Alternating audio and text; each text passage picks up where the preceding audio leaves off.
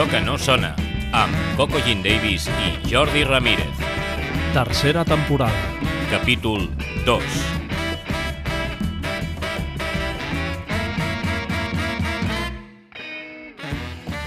Salutacions a tots i a totes. Us donem la benvinguda a Allò que no sona, un podcast dedicat a la indústria musical catalana i les persones que en formen part. El meu nom és Coco Jean Davis i al meu costat tinc el meu company Jordi Ramírez del Buen Ritmo. Hola Jordi. Hola Coco, com estàs avui? Molt bé. Avui us oferim un nou episodi enregistrat a la FIM de Vilaseca. Aquí volem agrair que ens hagin cedit un espai per poder poder-hi gravar el podcast. Així que, Jordi, qui ens portes avui?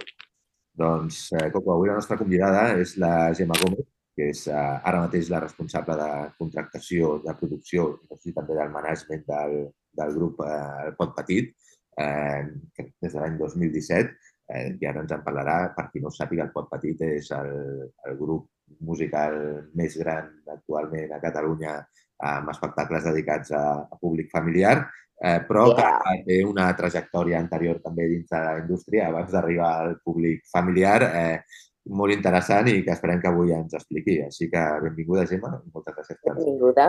Gràcies a vosaltres per convidar-me. pues, Gemma, a tots els nostres convidats els preguntem com es van introduir al món de la música.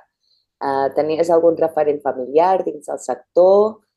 Toques mm. alguna cosa? Tu mateixa t'agrada cantar? En absolut, en absolut. Ni, bueno, cantar sí, sí que m'agrada sempre, però com a nivell privat, no? tinc una mica de pànic escènic, que diríem. Jo estic molt acostumada a treballar a la part de darrere, però, però poc estar damunt dels escenaris.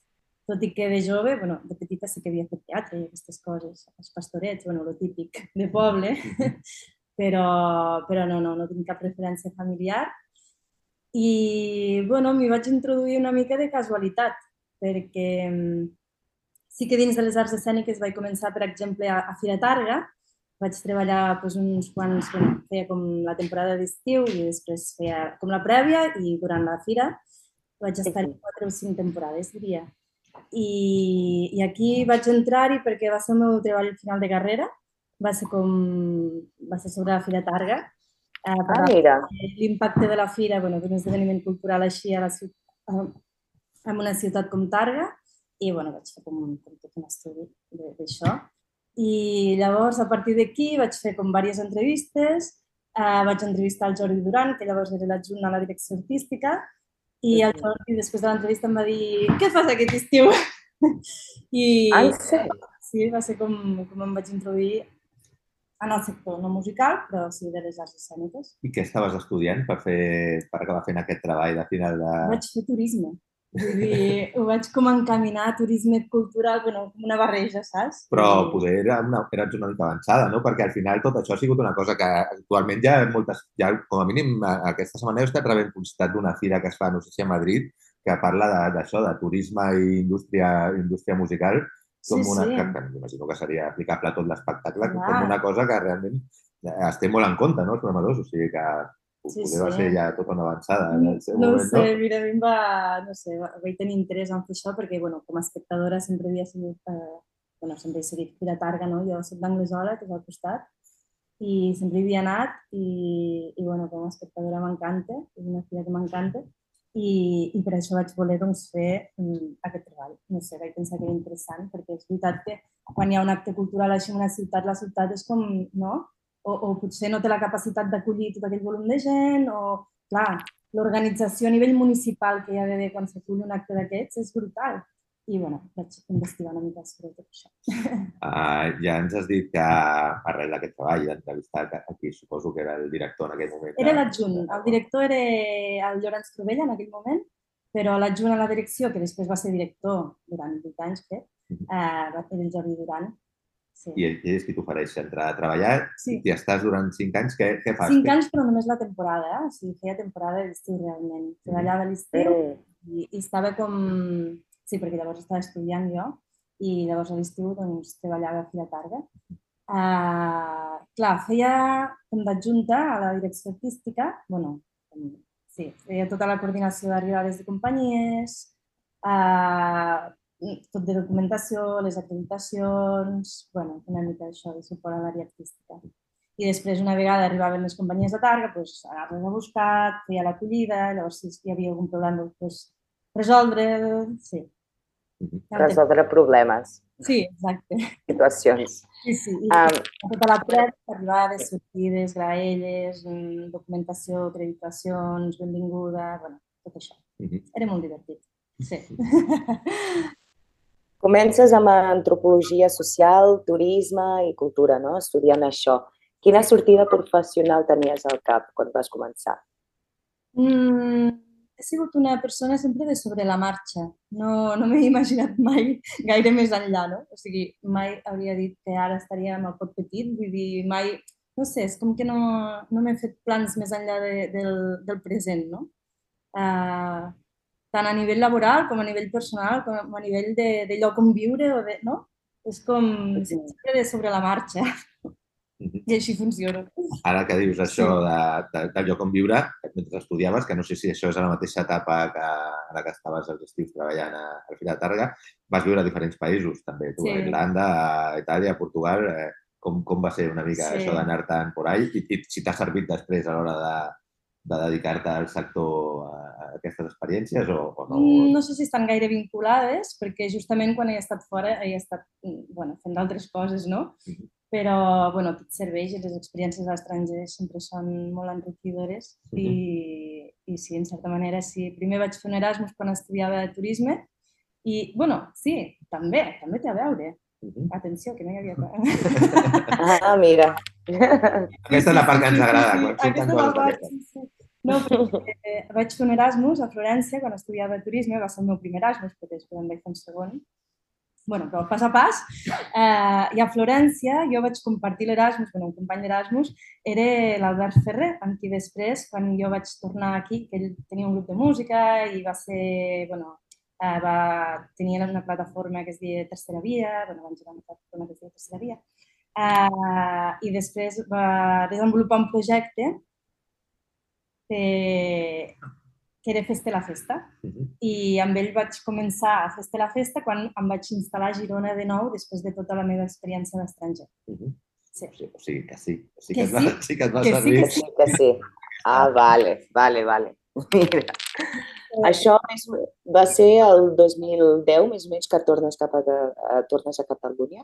Aquí vaig tornar el 2010, sí. Sí, perquè 2010. vaig fer l'Erasmus a Lisboa el 2009 i després m'hi vaig quedar un any més, que vaig fer unes pràctiques al Consell d'Europa. bueno, és que he fet coses molt variades. I llavors vaig tornar, sí que era l'estiu del 2010. I em vaig instal·lar a Girona perquè em va sortir una feina allà, a la Unió de Pagesos. I, a part, i després d'això, doncs ja vaig començar amb Festa la Festa i a partir d'aquí doncs, ja vaig conèixer també l'Albert Mas, després vaig anar a treballar a FM quasi tres anys, bueno, passa, sí. passa, passa, passa. Però a mi m'ha interessat moltíssim un postgrau al Centre d'Estudis Africans. Sí. Eh, hola, què et va treure d'aquest curs i què en vas aprendre? Clar, això va ser després de Lisboa. Ah. Sí, jo a Lisboa, bueno, a part de fer-hi, primer vaig estudiar antropologia i després m'hi vaig quedar perquè em va sortir l'oportunitat, bueno, vaig enviar la candidatura per fer aquest traineeship al Consell d'Europa amb un centre que es diu Centre Nord-Sud del Consell d'Europa que feien com activitats eh, de cooperació juvenil i diàleg euroafricà eh, amb associacions de joves i, i joves pues, mm, que estaven com, començant una carrera política. bueno, així feien tot de, de trobades així i, i clar, arrel d'aquí doncs, jo també coordinava totes aquestes activitats, no? activitats que vam fer a Sud-àfrica, activitats que vam fer a Cabo Verde, i, i clar, vaig començar... I a Moçambique? Moçambique no. No, no Moçambique no, no hi vaig anar. Però jo soc d'allà. Perquè, clar, també, bueno, perquè és així, doncs, amb llengua portuguesa, no? I, i tot, i en portuguès, i, i sí, és un lloc que ah. sempre m'ha tret, i a part, com que m'agrada molt viatjar, doncs, ho tinc pendent. Vale, genial. I, i res, arrel d'aquí em vaig com enamorar, no sé, a Verde em vaig enamorar molt, moltes vegades. No, pues a Sud-àfrica també i vaig dir, uah, jo necessito enriquir-me no? d'això, d'aquesta manera de fer, d'altres punts de vista, no? De, no sé. I també vinculat doncs, amb l'antropologia, no? que ja havia estudiat, doncs vaig dir, uh, vull, vull fer això. No pensant tant, no el que diem, en un futur professional, però, sí que a nivell però per passió. Sí, sí. Per pur amor.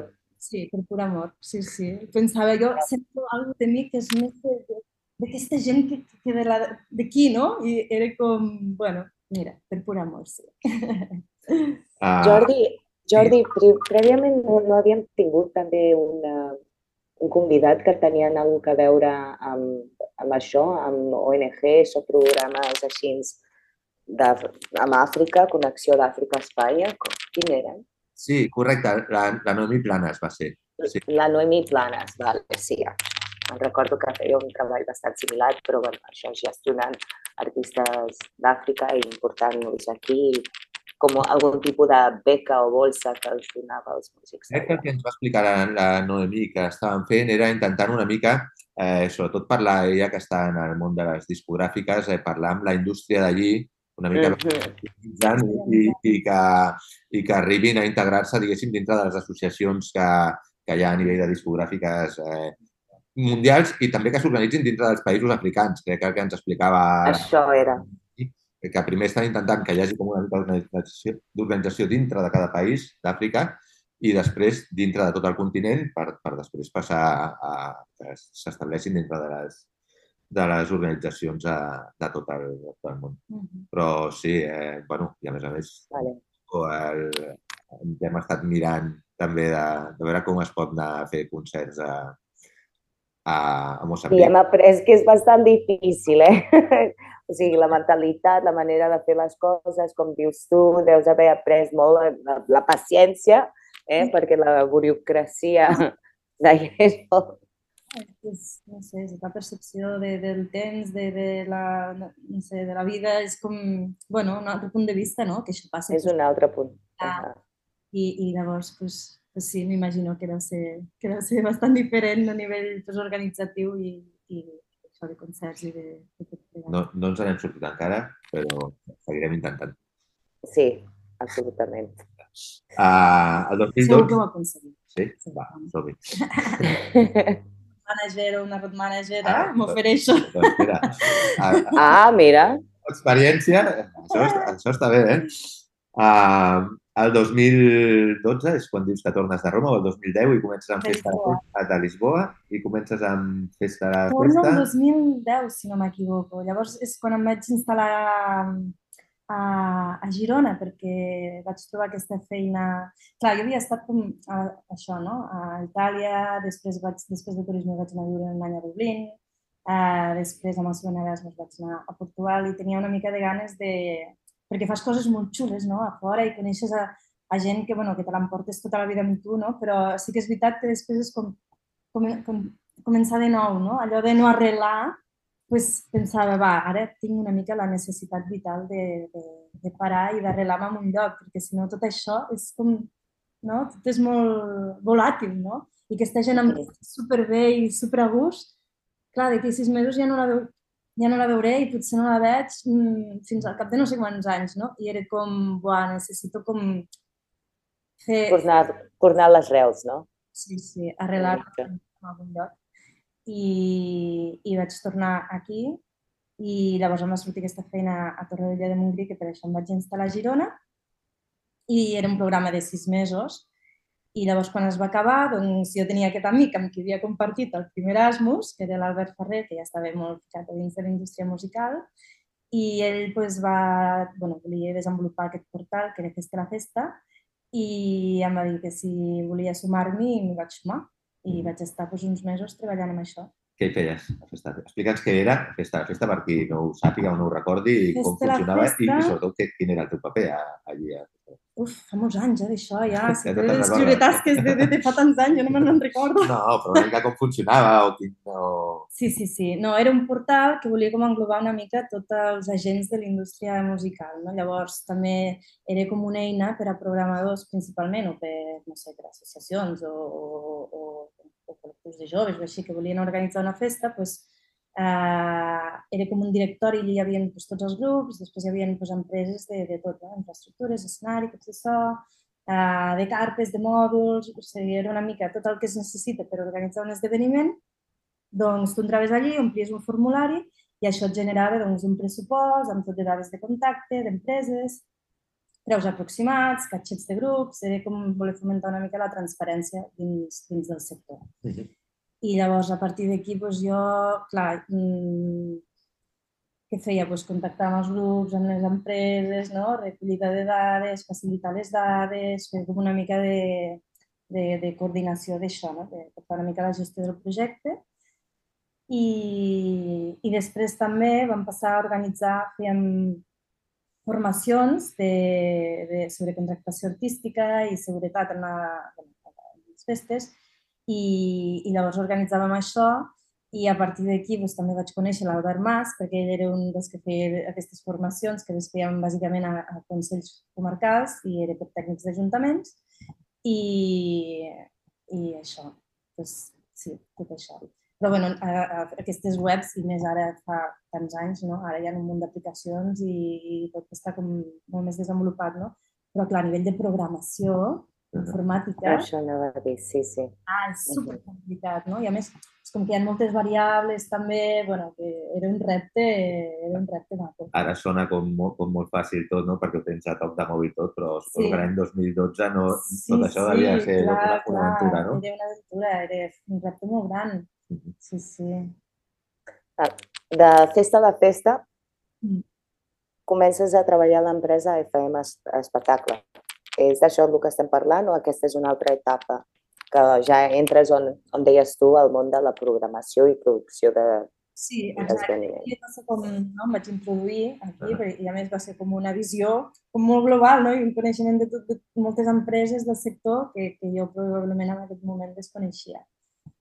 I després sí, doncs va sortir aquesta oportunitat a EFM eh, i a través pues, això, dels teus albergs, doncs mira, vaig presentar candidatura i, i l'Albert Mas em va fitxar i amb ell vaig estar quasi tres anys. Com, com si records tens en aquella època? Sí. Eh?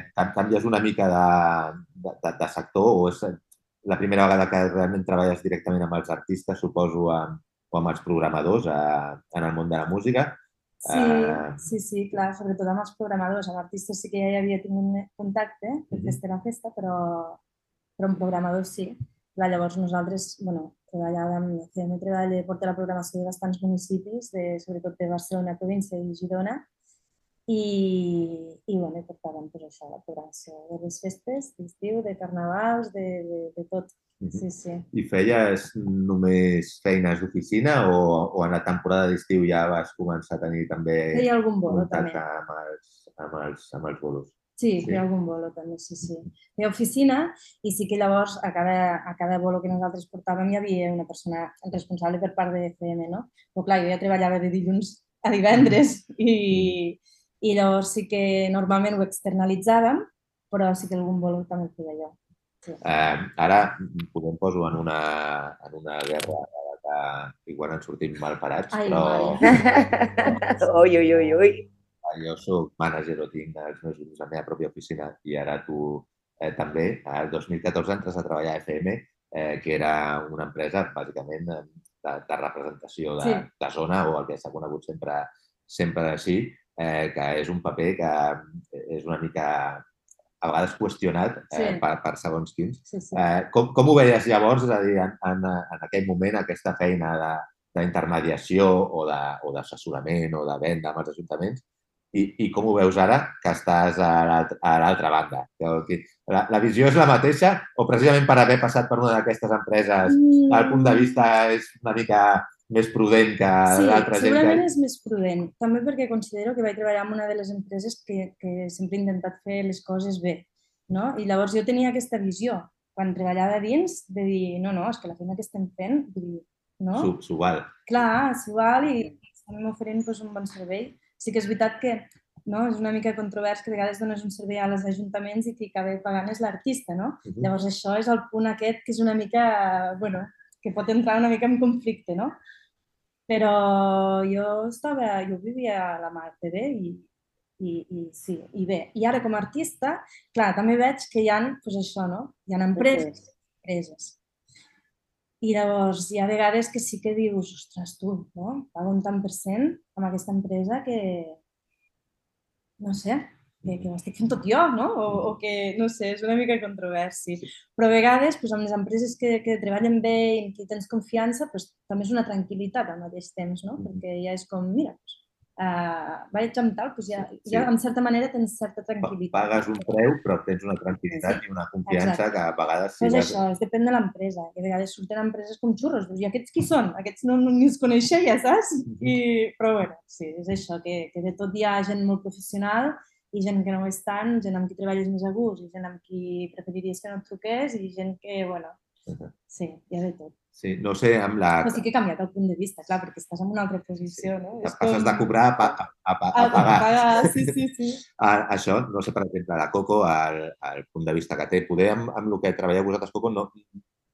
Sí, sí que treballem sovint amb agents de zona, però sobretot la sensació que tinc és que amb grups més, més joves i més nous a vegades és un paper que, que explicar-los és, és molt difícil i que, i que, i que no entenen. O sigui, la gent jove, eh, i, i, i això per què, no? Sobretot aquest punt de, de i perquè si estan treballant per un tercer, per un ajuntament, per, per què ho estem pagant? Perquè ho estem, per estem pagant, pagant nosaltres, és, no? És tot un món. Jo sempre comparo amb les immobiliàries, passa el mateix, presten un servei al propietari i que les pagues són, són els llogaters, no? És com, bueno... Yeah. Sí, sí, sí. Um... Bueno, eh, sí, sí. Eh, bueno, eh, I clar, arribes ara al 2017 i comences a treballar portant el pot petit. Sí. Com t'arriba aquesta proposta i com vas conèixer el grup i com decideixes treballar amb ells? Doncs m'arriba perquè bueno, jo havia treballat molt amb el pot petit quan, des de CM, no? Jo els trucava molt. Ah, vale, ja els coneixies. Sí, ah. sí arran de CM. I mira, suposo també que el pot petit devia estar content no? amb el servei que oferia FM, que abans dia que ofereix el servei a l'Ajuntament, però és veritat que segons com està fet també te l'ofereix a l'artista, eh? perquè sí, sí, sí. si se n'ocupa de que tot surti bé, és... és una tranquil·litat i és com un, vale, aquí sí, no? Aquí, aquí sí, doncs pues això, que sí, que depèn de quina empresa. Doncs pues això, a través de FM, jo, bueno, al cap de sí, dos anys i mig, tres anys, no sé quan vaig estar, eh, doncs vaig decidir deixar FM perquè, no sé, suposo que havia tingut sempre una vida molt de moviment, no? I d'aquí allà i de feines temporals i de fora, clar, el fet de tenir com una, una rutina amb feina d'oficina, horari d'oficina, doncs mira, al cap de dos anys o tres vaig dir, vale, canvi, canvi, canvi. I, i llavors, bueno, va ser el moment d'acomiadar-me de, de la gent amb qui més treballava, no? tant artistes com, com programadors, com ajuntaments, que vaig dir, bueno, deixo FM, moltes gràcies per tota aquesta etapa i tot, que llavors pues, jo vivia a Girona, ciutat, bueno, visc a Girona, ciutat encara, que és on, on viuen també part del Pot Petit, i me'ls vaig trobar un al carrer i em van dir oh, que has deixat FM, que nosaltres necessitem algú que ens porti la gestió del grup, perquè clar, sempre suportaven tot en Siddhartha i l'Helena, i, i llavors en aquell moment ja començava com una mica a despuntar el grup i estaven com bastant desbordats de feina i va ser el moment que van fer el pas de dir agafem algú que ens, que ens ajudi, no? I llavors en. Qui millor, qui millor. Eh? Qui millor Sí, clar, sempre és un... Sí, jo crec que és molt, és molt necessari. Jo ho recomano molt als grups que estan així com penseu vosaltres, dediqueu-vos al vostre i agafeu algú que us porti la gestió, perquè, bueno, no sé, jo sí, és una cosa que recomano. Els grups emergents també, per exemple, bueno, quan ja comencen a tenir un volum important de feina que, que no els permet fer eh, lo seu, no? que és crear. La, la, la part, clar, la part de, de creació i tot això. Bueno, no, és, és, és, és una bona pregunta. Quin, quin um, uh, com es diu, advice, com es diu advice? Quin, sí. quin consell donaries a, a les bandes emergents? Una és aquesta, però sí. una altra cosa que, que hagis après. Tu comences, perquè tu comences i tens els recursos que tens i vull dir, tu has de manegar tot una mica tu. I, i entenc que ha de ser així i al principi segurament ningú pot vendre o donar a conèixer eh, millor el que fas que tu mateix, no? I, i, i bueno, suposo que és això, però a la que comences a tenir com un volum de bolos com important, no? I feines això de gestió, d'administració, de, feines feixugues que potser eh, et fan com, no sé, que t'ocupen la majoria del temps, doncs aquí és quan penso que com a artista tens un problema i és, no sé, jo sí que recomanaria doncs, que, que, que això t'incorporessin a algun equip. A mi m'està passant això amb el de portar les xarxes socials, Jordi. Mm. És veritat, és, sembla una tonteria, però és tan important el de saber gestionar xarxes socials mm. uh, per vendre i, i és en plan, uno llega hasta donde puede, no? Uh, I una cosa així és que val la pena invertir per poder dedicar-te a el teu, no? Especialment avui en dia amb el que és els mitjans i Instagram i tot això és superimportant. Així és que invertir, no? Eh, de, de pagar algú que t'ho faci, que t'ho porti, eh, sembla una tonteria, però és un exemple bastant gran no? per als artistes. Us gestioneu vosaltres les xarxes directament o us ho fa algú? Eh? Sí, però vol sí. dir que hi ha alguna persona que s'hi ha de... Sí, fins de... fa molt poc eh, ho feia la mateixa Helena, que això també li absorbia una de temps, buah, impressionant. Oh. Sí, sí, sí. I llavors va ser a partir, mira, l'any passat, quan vaig estar de baixa ja per maternitat, el 2021, sí, a finals de 2021, eh, una persona que sempre ha estat vinculada també amb el pot petit, eh, perquè ella bueno, és amiga de l'Helena de tota la vida i havia fet de titellaire, havia participat en, a l'espectacle que vam fer dels 10 anys, bueno, sempre ha estat com vinculada, eh, doncs va passar a fer les xarxes. I ara és com, això ja és una cosa que s'ha descarregat l'Helena. Sí, sí. I ara també és per ella. Ah, ens hem quedat una mica amb com entres a treballar amb el pot petit. Jo crec perquè ens dius que et venen a buscar, però no va ser tan fàcil com que et vinguin a buscar i, no, i ja t'hi apuntes. Van haver d'esperar uns mesos. Sí, sí. No, perquè això va ser... Jo vaig pregar de PM, em sembla que era en abril, i me'ls devia trobar el mes de maig. No, sí, abans, perquè sí, doncs a finals d'abril o maig me'ls devia trobar i em van proposar això que necessitaven o estaven eh, intentant agafar algú perquè els hi donés un cop de mà i, i llavors, clar, jo venia de FM i era com, no, no, jo ara vull fer una, una altra cosa, saps? Em vull desmarcar del sector musical i, i tinc ganes de fer coses noves. I, de fet, jo ja tenia paraulada una feina perquè, bueno, havia estat fent vaig fer tres temporades, aquesta seria la tercera. Vaig estar fent de directora de Casa de Colònies també, així temporada. Ah, mira! Sí. I llavors al plegar de FM, clar, com que estava sense feina i al iniciar la temporada que fèiem de maig a setembre de Cases de Colònies, doncs vaig trucar a l'empresa on, on havia treballat i vaig dir, tu, que estic sense feina, i llavors em van oferir doncs, portar la direcció d'una de les cases. I, I llavors jo els vaig dir això al pot petit, dic, ui, no, no, no, jo ara me'n vaig a fer de vira i, i després ja veurem perquè bueno, volia fer com algo diferent. I llavors vaig dir això, que a setembre pues, ja, si en cas ja en parlaríem. I va arribar a setembre. I va arribar a setembre i llavors, clar, jo havia treballat de temporada, que és superintensiva, la feina de, de directora és una cosa que a nivell de producció també és molt útil, perquè és com, clar, allí la gestió de personal, la gestió d'arribades, de sortides, clar, una casa amb capacitat per 150 nens, amb 30, fins a 30 persones de personal, no? de servei de monitors, bueno, era com molt intensiu. No, també a vegades la sensació quan treballes amb músics que no se'n fa dir la Coco. Ara, a vegades és com, com la de treballar amb nens. O sigui, sí, una mica aquesta experiència. ¿no? També va ser, ja tot Que quiero esto, que quiero lo otro, ¿por qué no me haces caso? ¿No?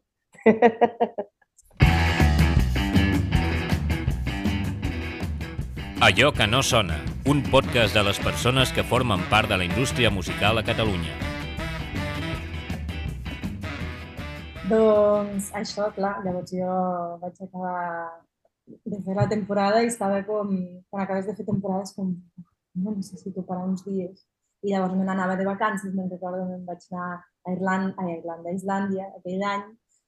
Total, que, que, que sí, que quan ja vaig plegar, els hi vaig dir que me n'anava a Islàndia. Llavors, després d'Islàndia ja va ser com, què, què? I llavors em vaig reunir amb ells i com que són un amor de gent, és, no vaig poder dir que no. I aquí estic. Des de llavors. Ets una persona molt jove, molt jove, molt energètica. És en plan com si acabessis de començar. Com et preserves tan bé dins aquest món? Què, què és el que et porta a seguir amb tanta energia, tanta passió? òbviament, fent el que t'agrada, però tens algun secret de com prendre tu? en plan, No sé, jo suposo uau. La manera, la manera de ser, no, també, vull dir, si no fos una, una feina que requerís de- d'així d'energia, de moviment, doncs segurament ja no, no seria, no?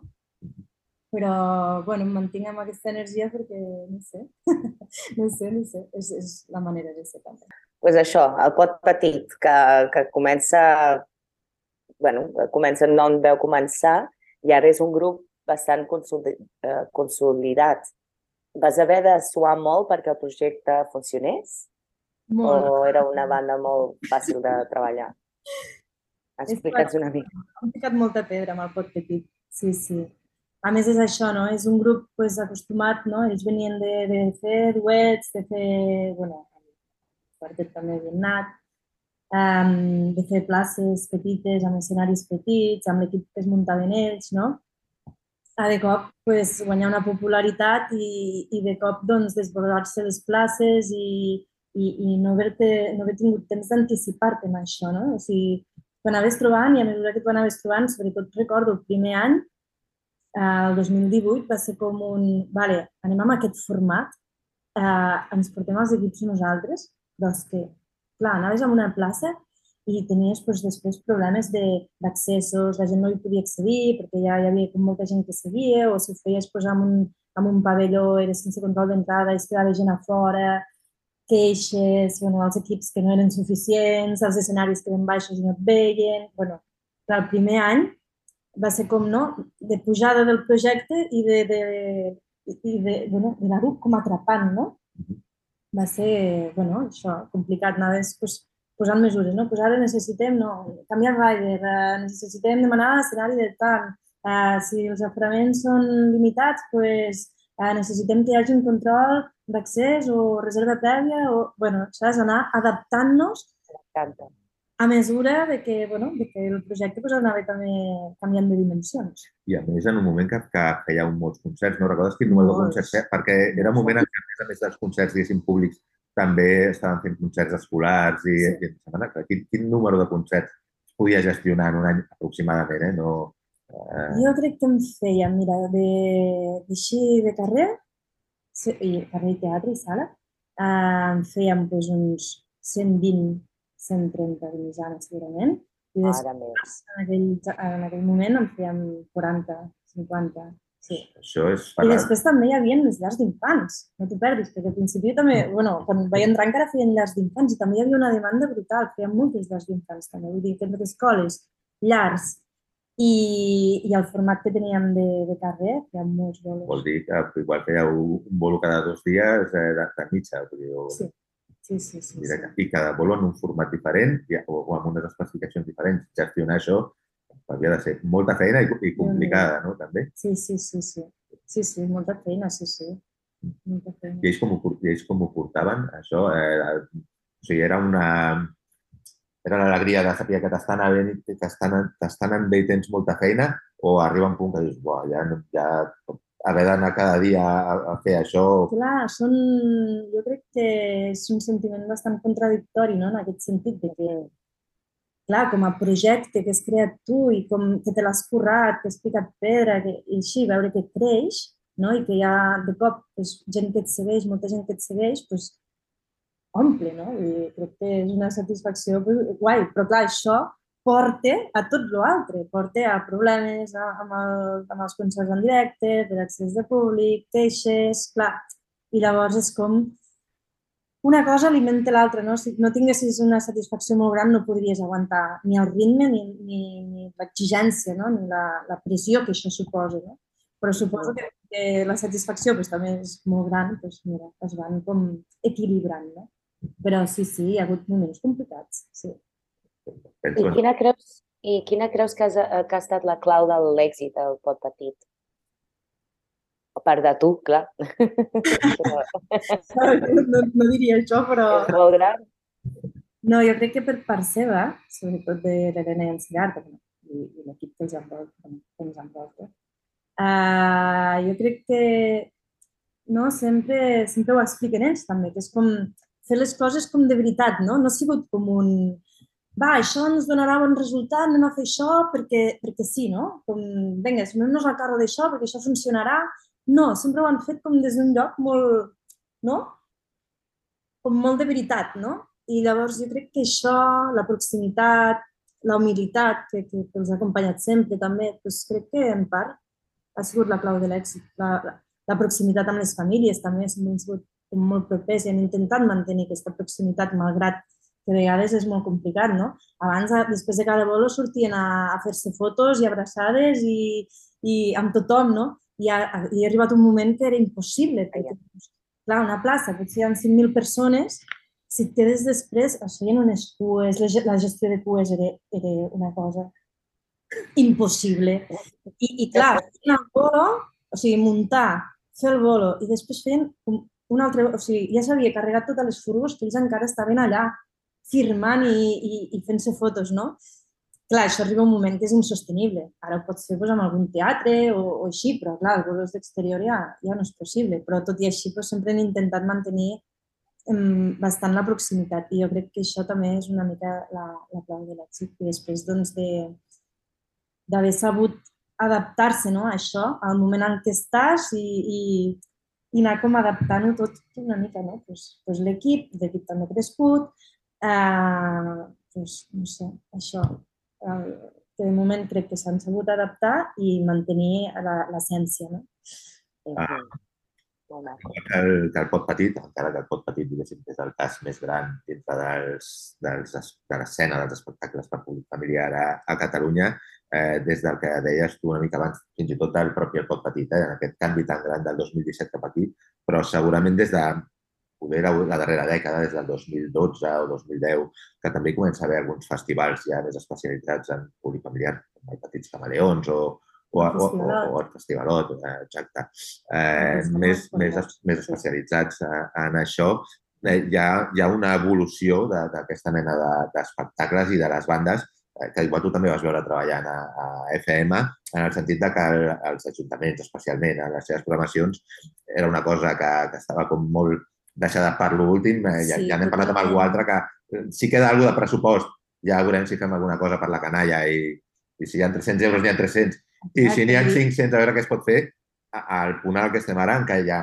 evidentment, el pot petit és com, com la Champions League, però que hi ha altres sí. espectacles que ja són uns muntatges molt, molt grans comparats fins i tot amb, amb altres espectacles per, per adults. Sí. Com veus aquesta, evolu aquesta evolució i creus que ha de continuar que o, que, hagut... o que això hi ha un risc de, de que en algun moment exploti? I, i, i... Bueno, jo crec que hi ha hagut un canvi molt bèstia almenys el que he viscut jo aquests anys hi ha hagut un canvi. Jo recordo, me FM normalment les programacions infantils, que diem, nosaltres batallem molt perquè es digui familiar, però tot era animació infantil, animació infantil aquí, i és això, amb pressupostos superbaixos i, i això, amb els escenaris allà aquell racó de plaça, saps? Que no tens ni, bueno, no sé, que vull dir que que normal, que, que sí que crec que hi ha hagut un canvi, no? I, i crec que s'ha, bueno, en aquest sentit, crec que s'ha picat molta pedra també des dels grups, com per eh, de dir, ostres, som mereixedors de les mateixes condicions que, que els grups que fan música per adults, no? Eh, perquè a nivell de catxets, per exemple, la diferència era una cosa abismal, bueno, ho segueix sent. I això, bueno, jo, nosaltres que formem part de, de la TTP, que estem allà en diversos grups de música i després amb moltes companyies d'arts escèniques també per al públic familiar, que, que, bueno, que a vegades ho agraeixen, no? de hosti, propostes com vosaltres, com la Damaris, com el Rigui, no? que hem picat, hem picat pedra en aquest sentit, no? de fer com d'aconseguir catxets pues, una mica més mm, dignes. No? I, i bueno, al final són propostes que també són propostes grans, que atrauen molt de públic que hi ha molta professionalitat a darrere i que crec que es mereixen pues, tenir les mateixes condicions que, que els grups adults, està clar. I que els festivals, sí. per això, pues, també, també està molt bé. Sí, perquè a més a més del que parlàvem dels festivals eh, especialitzats en públic familiar, sí. ara pràcticament no hi ha tampoc cap familiar. Hi cap festival que tingui programació normal, que no acabi tenint una jornada també sí. dedicada al públic, al públic familiar, no? Ja s'ha com sí, sí. interioritzat que, sí. que ha de ser així. S'ha integrat i, i crec que està molt bé, crec que està molt bé, sí, sí. Perquè de fet és que, vull dir, és lo lògic, no? Si tu pares a mirar, perquè tens allà una infraestructura muntada i dius, ja que tinc la infraestructura muntada, doncs per què no enriqueixo la programació i aprofito els recursos? Al final és amortitzar la infraestructura del festival i crec que, crec que està bé. Sí. Suposo que la pandèmia deuria ser un moment complicat. Com ho veu gestionar? Molt dur. No, no, clar, veníem del 2018 de locura, no?, que us deia, Després, el 2019, vam fer la gira dels 10 anys, que va ser com tot un projecte així, bueno, vam fer un espectacle nou, que va ser bueno, el format més gran que hem fet fins ara amb el Pot Petit, 13 músics, bueno, ens movíem un equip de 18 persones, que vam tocar llocs potents, no? Uh, i, i, i, bueno, i el 2019 que també vam fer, a part d'aquesta gira dels 10 anys, vam fer moltíssims bolos també, de, de, de, de concert normal i dels escolars i de tot. Vull dir, veníem de molts bolos, no? I, I clar, arriba el 2020 i nosaltres ja teníem tancats quasi 100 bolos en el moment que va esclatar la pandèmia.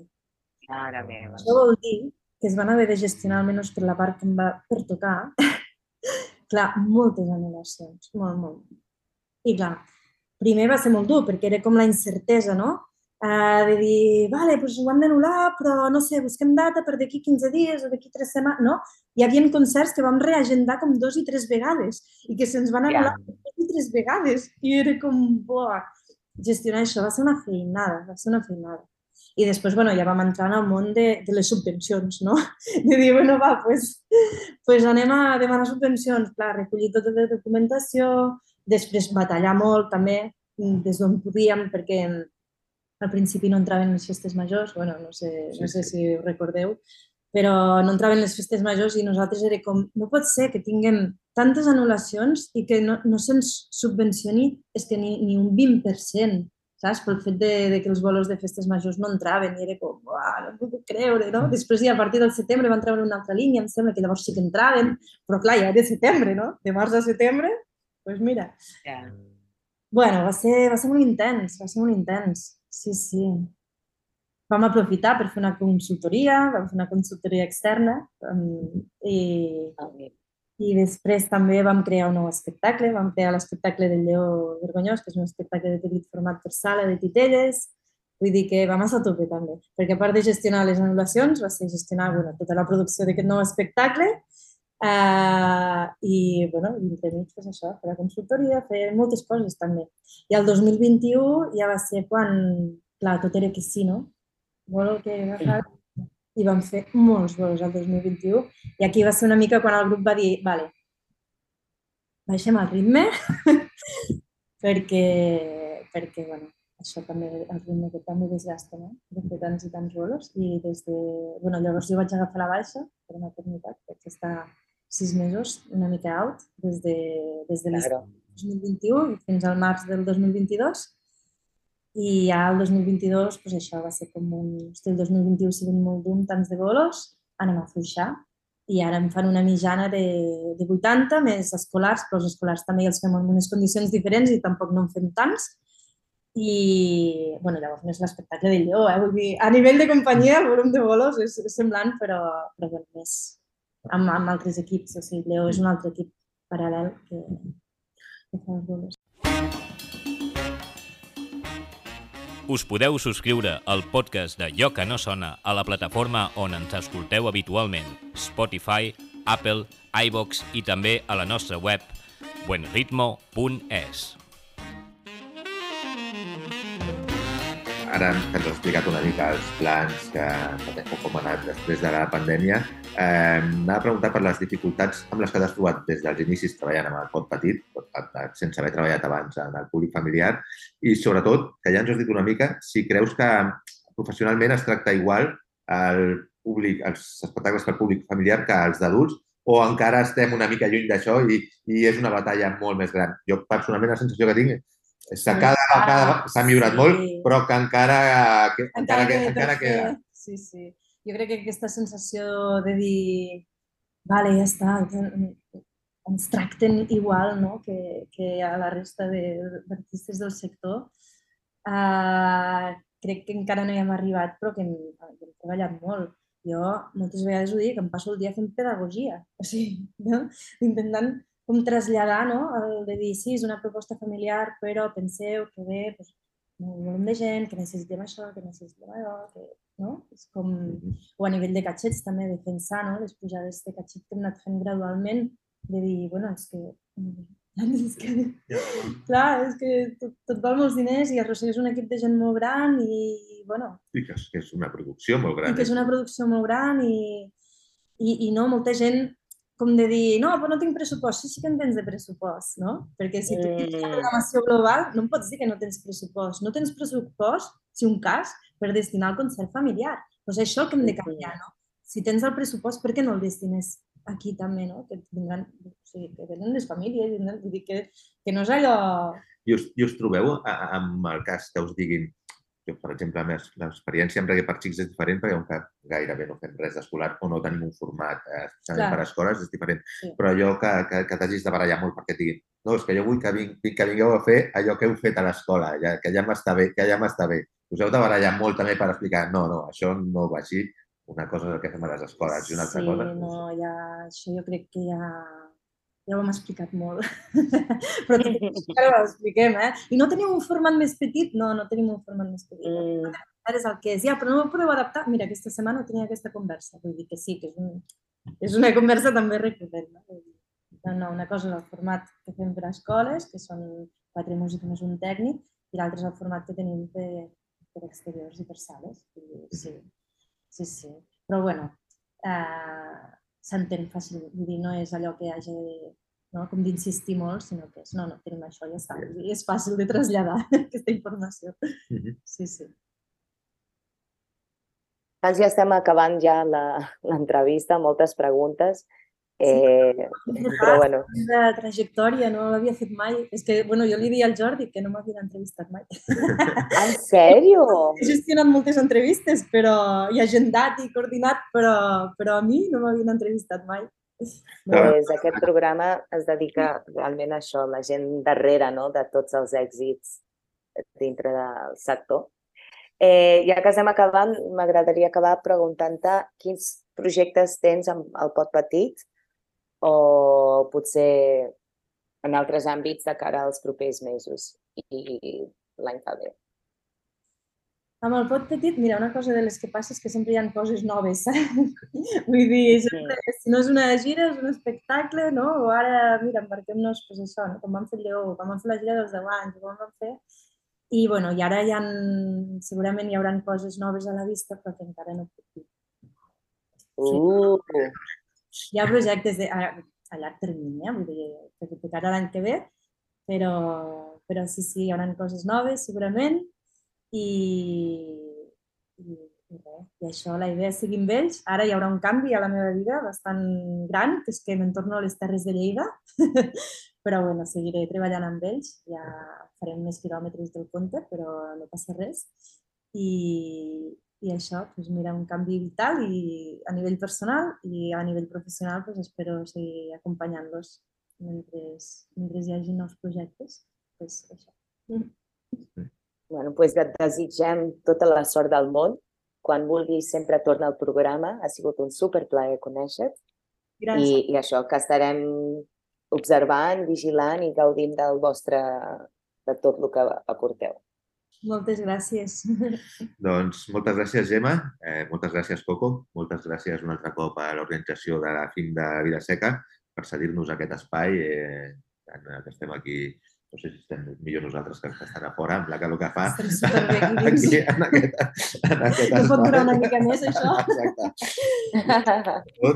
Moltes gràcies a vosaltres per escoltar-nos eh, en aquesta tercera temporada de l'Allò que no sona. Eh, de tota manera, com sempre, eh, us recordem que si us agrada el podcast ens deixeu una puntuació eh, i que si voleu us hi podeu subscriure a qualsevol de les plataformes on estem disponibles, a Spotify, a iVoox, a Apple Podcast i com sempre ens recorda la Coco, també ens podeu seguir a... També estem a Instagram. Per a veure. Adéu. Adéu. Adéu. Un